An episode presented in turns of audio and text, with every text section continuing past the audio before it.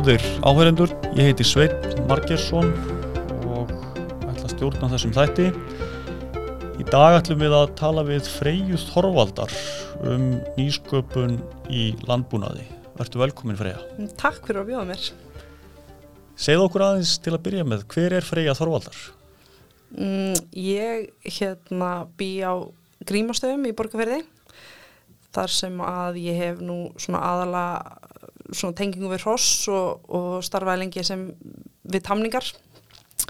En maður minn er rættar af söðfjabúi og kom með nokkra rollur með sér þannig að núna er ég svona, svona pínulítill söðfjabóndi í svona hlýðaverkum og svo er ég nefandi bú, í búvisundum við Landbúrnarháskólan og Kvanneri Þú skrifaði leiðara í bændablaðið núna á síðasta ári sem að vakti talsverðið aðtegli meðal annars um frelsi bænda til að slátra eigin lömpum.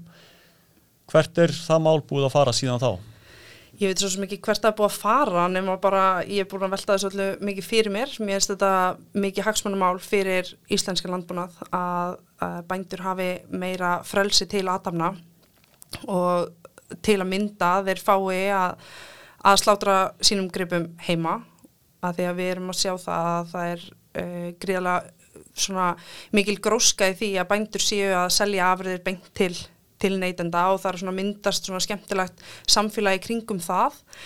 Um, hérna neytendur sem að hafa áhuga á því að eiga svona meira samtal við bændur, uh, vita hvaðan varan er að koma og svona heyra betur bakgrunnin og mér finnst þetta allt mjög áhugavert og þá uh, hvers vegna? Til þess fallið að auka nýsköpun hver, hver er ástæðan fyrir áhuganum? Já, mér finnst náttúrulega bara mér finnst þetta bara svona að vera réttlægt smál fyrir bændur. Mér finnst bara að þeir hafa meira rými til þess að um, verðleiki sínar vörur og hérna fá hagnaðin í, í sinn vasa ef að þeir kjósa það, ég menna auðvitað er ekkit allir sem að myndi vilja slátra heima út af því að ég segi fyrir mér að það væri auðvitað eitthvað kostnæður sem að væri tilfallin af því að, að koma sér upp slíkri aðstöðu. En það eru þó einhverjir sem að eru búinir að koma sér upp heimavinnslu heima hjá sér og þyrstu þá kannski bara að bæta eins við hana til þess að geta stunda, stunda heimaslatur og mér finnst bara sjálfsagt mála að við hérna, gefum þessu fólki tækifæri til þess að gera það. Heldur það að myndi skipta máli varandi ímynd lambakjöts á Íslandi? Já, ég held það. Ég held sko, kannski er ekkit allir, það er náttúrulega ekkit allir neytindur sem er að pæla svona rosalega mikið í hérna, þú veist, hvaða leiðir kjöti fer frá, sagt, frá bónda og til þeirra. En það eru samt örtstækjandi hópur sem hefur áhuga á því að vera í persónulegri viðskiptum. Og ég held að við hefum að sinna þessum hópi út af því að hérna, veist, við, við viljum búa til tengingan á milli, við viljum eiga þetta samtal, við viljum heyra hvað, þú veist, hverjar áherslu neytenda eru og hvaða er sem þeir vilja og þetta, þú veist, svona, hérna, svona verkefni eru held ég mjög vel til þess fallin að þetta samtal geti átt sér stað. Bæ, í, þú veist, á hérna, báða bóa. Bæði að sko, neytendur geti heyrt hérna, í bændum hvað, hvaða er sem að bara sögun á bakvið ráfnið sem að þeir eru að, er að kaupa og ég held að þetta sé líka til þess fallið að sko fólk ber meiri virðingu fyrir matalunum sem það er að kaupa og þar alveg endur við betur í starfbúin til að takast á við matasóðan. Já, sem eru þetta stórt mál í samtímanum. Já, bara ótrúlega stórt samfélagslegt vandamál og, og ég held að landbúnarinn sé hérna, geti stíð upp og borið axla sína ábyrð í því með því að, að hérna, sagt, auka hérna, skilning fólks að því hvað er mikil vinna sem liggur bak, bakvið og þannig að fá fólk til þess að bera meiri virðingu fyrir þeim matalunum sem það kaupur út í búð. Það er einhver leiti að, að auka hvað maður segja, verðmæta stíð á matvælum í, í huga fólks. Já, en líka bara sko, þú veist að, að hérna, svona þessi, þessi saga á bakvið sé svona doldi skörp í, í hérna huga fólks. Að þú veist, það er fólk sem að, þú veist, það er, það er bændur hann á bakvið sem eru bara búin að leggja mikið á sig til þess að framlega góðar vörur og það er það sem íslenski bændur gera. Þeir leggja sig fram við að framlega góða vörur og hérna, og ég held að það skiptir máli að að neytendur séu meðvitaðar um það. Mm. Þannig að þegar að, að Guðmundur hérna hérðarhaganum tekur tómatinn og ákveður að hendunum þá er að meðvitaður um að það er blóðsviti og tár Já, sem liggja hann að baki. Akkurat, að, það, að hann ætti þá frekar að nota tómandin deginum áður sko út af því að hann vill ekki láta hann skemmast sko nákvæmlega af því að það er eitthvað búin að leggja svo miklu vinnu í að, í að tína hann og, og vögva hann og, og hugsa vel um hann sko og fylgjast með honum þróskast Þetta er hluti í rauninni af, af persónleiri vegferð bóndans að koma tómatnum eða lambalærinu eða hvaða nú er til neytandans. algjörlega Hvað með veganisma? Nú er, nú er veganismi svona ákveðin bylgja í dag. Uh, skiptir þetta einhverju máli, þetta frelsi í viðskiptum, skiptir þetta einhverju máli uh, fyrir íslenska bændur í samhengi við það? sko, náttúrulega við búum bara á þannig tímum að það er hérna samfélagið þróast droslega ört og það eru mikla breytingar og landbúnaðurinn er auðvitað þannig að hann er sko allavega dýra afröða parturinn á hannum er náttúrulega þannig að, að hann, hann sko, hann bregst svolítið hægt við, þú veist, það er erfitt eða það tekur tíma að draga úr eða auka framlustuna. Hins vegar er náttúrulega er nánast allt sem við borðum í grunninn landbúnaðar afurðir og það á við um, um þá sem að aðhyllast veganisma eða, eða sagt sneiða fram hjá dýraafurðum líka. Eh, ég held að það væri bara mjög jákvætt að, að hérna, landbúnaðurinn og bændur myndu bara kannski varpa fram þeirri spurningu hvað er það sem vantar inn á markaðin fyrir þá sem að vilja vegan? Hvað getur við á Íslandi framleitt? Hvað getur við bætt í og gert betur til þess að við getum framleitt sem mest af þeim maturlum sem, sem að við neytum hérlandis Ef við veltum aðeins fyrir okkur markaðinum í þessu, nú er markaðurinn að breytast mjög hratt, en vita bændurinn nógu mikið um það hvernig eftirspurn á maturmarkaðu er að breytast? mm, bændur eru allavega tölverst betur í stakk búnir til þess að, að hérna, e, fylgjast með þeirra eftirspurn þegar þeir eru í beinni kontakt við neytendunar og er að selja vörðuna sínar sjálfur. Þannig fá þeir náttúrulega feedback um það hvað markanum líkar og hvað hann líkar ekki og ég held að það sé mjög dýrmætt um, veist og það er þá líka kannski hægt að sjá það fyrir sig sem vöruþróun hjá bændum þegar þeir eru að búa til nýjar vörur og, og svo framvegis að þá geta þeir hlerað neytendur hvað er að falla í kramið og hvað ekki sko. Nákvæmlega. Og, og fengi þá að vita uh, mögulega mismunandi útgáfur sem að fólk vildi sjá og annað í þeimdúr. Já, þú veist hversu stóra, hversu stóra pakningar, þú veist bara all, alls konar, þú veist hvað, hvað vil fólk kaupa mikið magn og, og hérna að við verðum alltaf að hugsa þetta þannig líka að við séum ekki alltaf að selja allt í allt og stóru, allt og miklu magni, þú veist hvað hérna e, þú veist að því að við viljum alltaf ekki að fólk sé síðan að henda því sem það er að kaupa sko, við viljum, að, viljum bera virðingu fyrir e, matvælunum sem við erum að, að framlega. En við færum okkur inn á, inn á lambakjötið uh, þá svona aftur og, og veltum þessu fyrir okkur. Nú hef, veit ég að þú skoðuð aðeins hvernig verð á lambakjötið hefur breyst til bænda. Mm og á sama tíma kostnaður við heimtöku þegar bændur eru að taka kjöt sem er slátrað á sláturhúsum. Já. Getur þú sagt okkur aðeins af þessu? Já, ég tók saman svona kostnað bara svona mér, mér til gamans að hérna bara tók saman sem sagt annars vegar afrðverð og hins vegar kostnað við heimtöku hjá bændum eins og, eins og þú nefnir að hérna og þar kemur það algjörlega greinilega í ljós að um leið og, og verð til bænda lækkar að í kringum hvert ekki 2016 að þá hérna hækkar heimtökukostnaðurinn á sama tíma. Og þetta er náttúrulega mjög mjög bagalegt fyrir bændur sem að voru þá kannski að reyna að selja kjöti sitt sjálfur og reyna að sprikla og reyna að gera eitthvað að þá eru hendur þeirra algjörlega bundnar fyrir aftan bak og þeir geta sig hverki hreift mér finnst þetta ekki, ekki góð þróun sko Erfitt fyrir bóndan allavega að vera bæði bundin af því að, mega ekki slátra sjálfur Já. og þurfa þá að greiða tiltölulega hátt verð Já, fyrir heimtökuna. þa- Þarna hefði þá hérna, verið rými fyrir þá sem að það hefði viljað að, að hérna, slátra þá heima hjá sér og selja kjöti sitt beint en ekki þurft að borga þennan heimtöku kostnað. Heldur að séu margir að slátra heima bara svona framhjá? Ekki til sölu held ég en það er náttúrulega, það vita það allir sem að eitthvað hafa verið í kringum saufabændur að það náttúrulega slátra langt flesti saufabændur sínu kjöti heima og vilja láta hanga lengur og, og allavega segja það sé betra. Út af hverju láta menn hanga? að því að þeir hérna, kjötið á að meirna meira við það að, að, hérna, að hanga lengur og þeir sem að ég allan að þekki þeir söfabændur kringum mig og ég ger þetta líka sjálf að hérna að slátra kjötunum mínu heima og láta það hanga. En, en ég má því miður ekki selja það til vinn og vandamanna. Þannig ég verð bara að bjóða með mat. Já, já, akkurat. Og vantarlega vinsæl matabóðin hjá þér. Það er bara mjög. Og um hvað ræðið þið vinirnir? Eh, Segju nú að þú bjóðir nokkrum samstúdentum í landbúnaðarháskólanum í mat.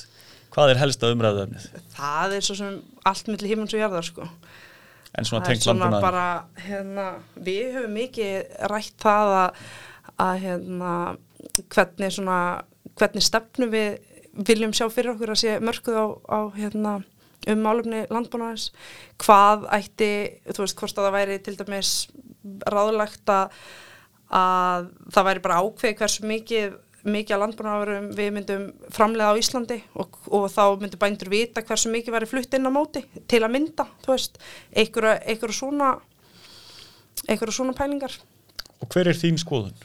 Hvernig vilt þú sjá kerfið þróast? Ég held að það sé rosalega margt, það er á rosalega mörgum stöðum tækifæri til þess að bæta sig. Uh, þú veist, þetta kerfi hefur náttúrulega svona þróast á síðastlinum hérna árum eða sem sagt, og er náttúrulega í grunninn rosalega gamalt og ég meina bæ, bænda samfélagið er í grunninn íhaldsamt. Það er erfitt að breyta þessu. Það er erfitt að breyta þessu kerfi og hérna ég held að til að mynda með því að ringa hérna leifi til heimaslatunar, það er ein leið en auðvitað er líka margt annað sem að væri hægt að gera Freyja, nú ert þú ungur bóndi og við vitum um umræðuna um, um ríkisstuðning við landbúnað. Það er eitthvað sem að á sér stað í öllum löndum held ég megi segja. Mörgum tilvíkum er meiri ríkisstuðningur heldur en er á Íslandi, uh, einhverju löndum er hann, er hann minni. Hvernig sérðu þessi mál þróast á, á næstu árum? Hvernig myndir þú vilja sjá þetta þróast? Ég myndi gerðnan vilja sjá þetta kerfi einfaldað uh, með einhverjum hætti. Ég held að það skipti miklu máli. Síðan skiptir auðvitað líka máli að við hérna, séum ekki bara að hugsa um framlegslu á mjölk og kjöti, heldur að við séum að leggja líka áherslu á aðrar greinar landbúnaðarins sem er ekkert síður mikilvægar þó að þetta sé kannski það sem er búið að vera með okkur í gegnum tíðina að þá verðum við auðvitað að, þróast og þróskast í takt við samfélagið. Og það eru gríðarlega tækifæri í, í mínum huga fólkin í því að rækta hérna meira grammiti og, og bæta við sagt fleiri tegundum af grammiti sem við erum að rækta Og kannski samhengið þetta, nú flytjum við inn mjög mikið af fóðurhráefnum Já. uh, bæði til mjölkur og kjötramneðslu. Já. Eru tækifæri kannski því að tengja þetta saman? Jafnvel, jafnvel, þú veist, ég, ég held allan að við, þú veist, það er rýmið þannig fyrir okkur til að bæta, bæta okkur, þú veist, og, og bændur hérna geta bætt sig og geta hugsa meir um það sem að þeir eru að flytja inn sjálfur, er eitthvað hérlendi sem að við getum verið að, að nota í staðin. Ég meina, skilabóðin sem bændur senda er að neytendur eigi að velja íslenskt og þá verða bændur auðvitað að horfa í einn barm og gera slíkt þess sama.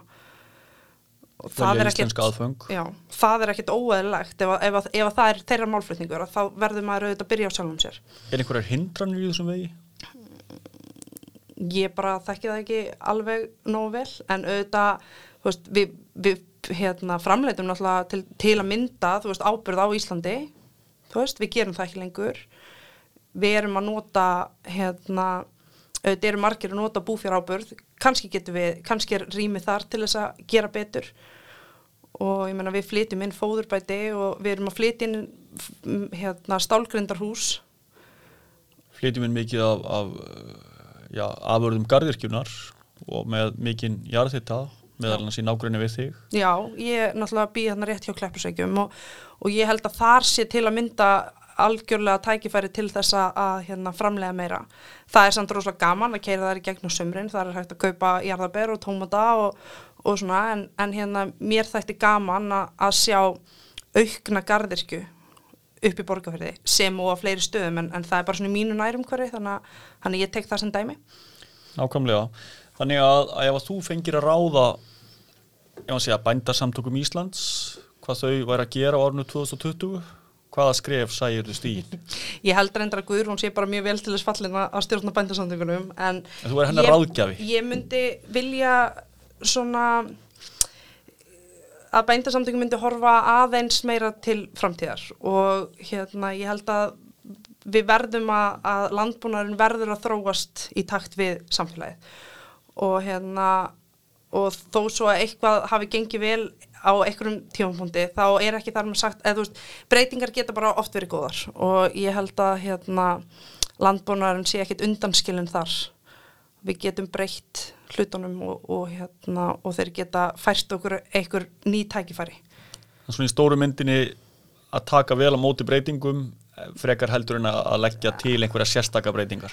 Algjörlega, ég held það sko að hérna við erum náttúrulega núna, sko, ég líka náttúrulega bara búin að veltaði fyrir mér með, þú veist, núna verið að byrja að flytja hérna rátt kjöt til dæmis uh, bændarsamfélagi hefur sælt mjög skýr skilabóð því hugnist ekki þær breytingar en þetta er samt ákvörðun sem er búið að taka og þá verður maður bara svona held ég svolítið að, að hérna, taka því og reyna að finna tækifærin í hérna breyttur landslægi. Það eru alltaf tækifæri sem að feilast í breytingum. Það eru ekki alltaf slæmar. Er þú með einhver tækifæri í, í samhengi við innflutning á ráu kjöti? Ég, ég er náttúrulega bara pínulítill söfjabóndi með 40 kindur sko. En það er kannski tækifæri að vera mitt pínulítill? Kannski, já. Selja sjálfur? Já, ég hef náttúrulega verið að gera það og hérna, mér finnst það mjög skemmtilegt, mér finnst gaman að hafa viðskiptin persónleg og láta fylgja með uppskriftir og, og, hérna, og segja fólki hvernig mér finnst best að handera þetta hráfni og það hefur vakið mjög miklu lukku í kringum mig. En auðvitað ég er náttúrulega bara þjónust eitthvað, eitthvað lítinn hóp sko.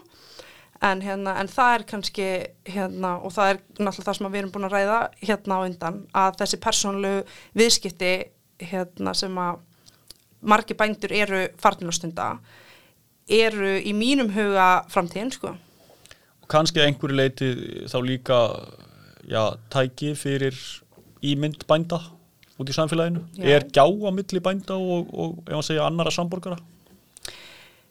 Ég held að umræðan hafi verið oft dóttið einhvern veginn í um, þannig farveg sem að ég held að sé alltaf mjög óheflegt og það er ekkit öðruvís með landbúna heldur með önnu málumni að, að það er alltaf vond að, að hérna, skipta fólki upp í fylkingar e, bændur og neytendur eiga náttúrulega ganga hönd í hönd neytendur eru náttúrulega þeir sem að eru að, að velja hvað vörur þeir alltaf versla og hérna og það er rosalega mikilvægt að við, svona, við bændur uh, reynum að hérna, ná til þeirra og vera, vera saman í liði sko því að það er engum til fram, framdráttar að ætla einhvern veginn að vera á móti neytendum.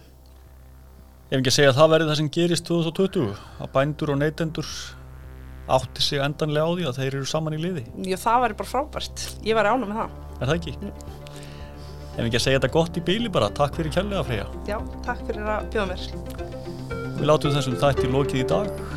Við heyrumst von bráðar. Takk fyrir.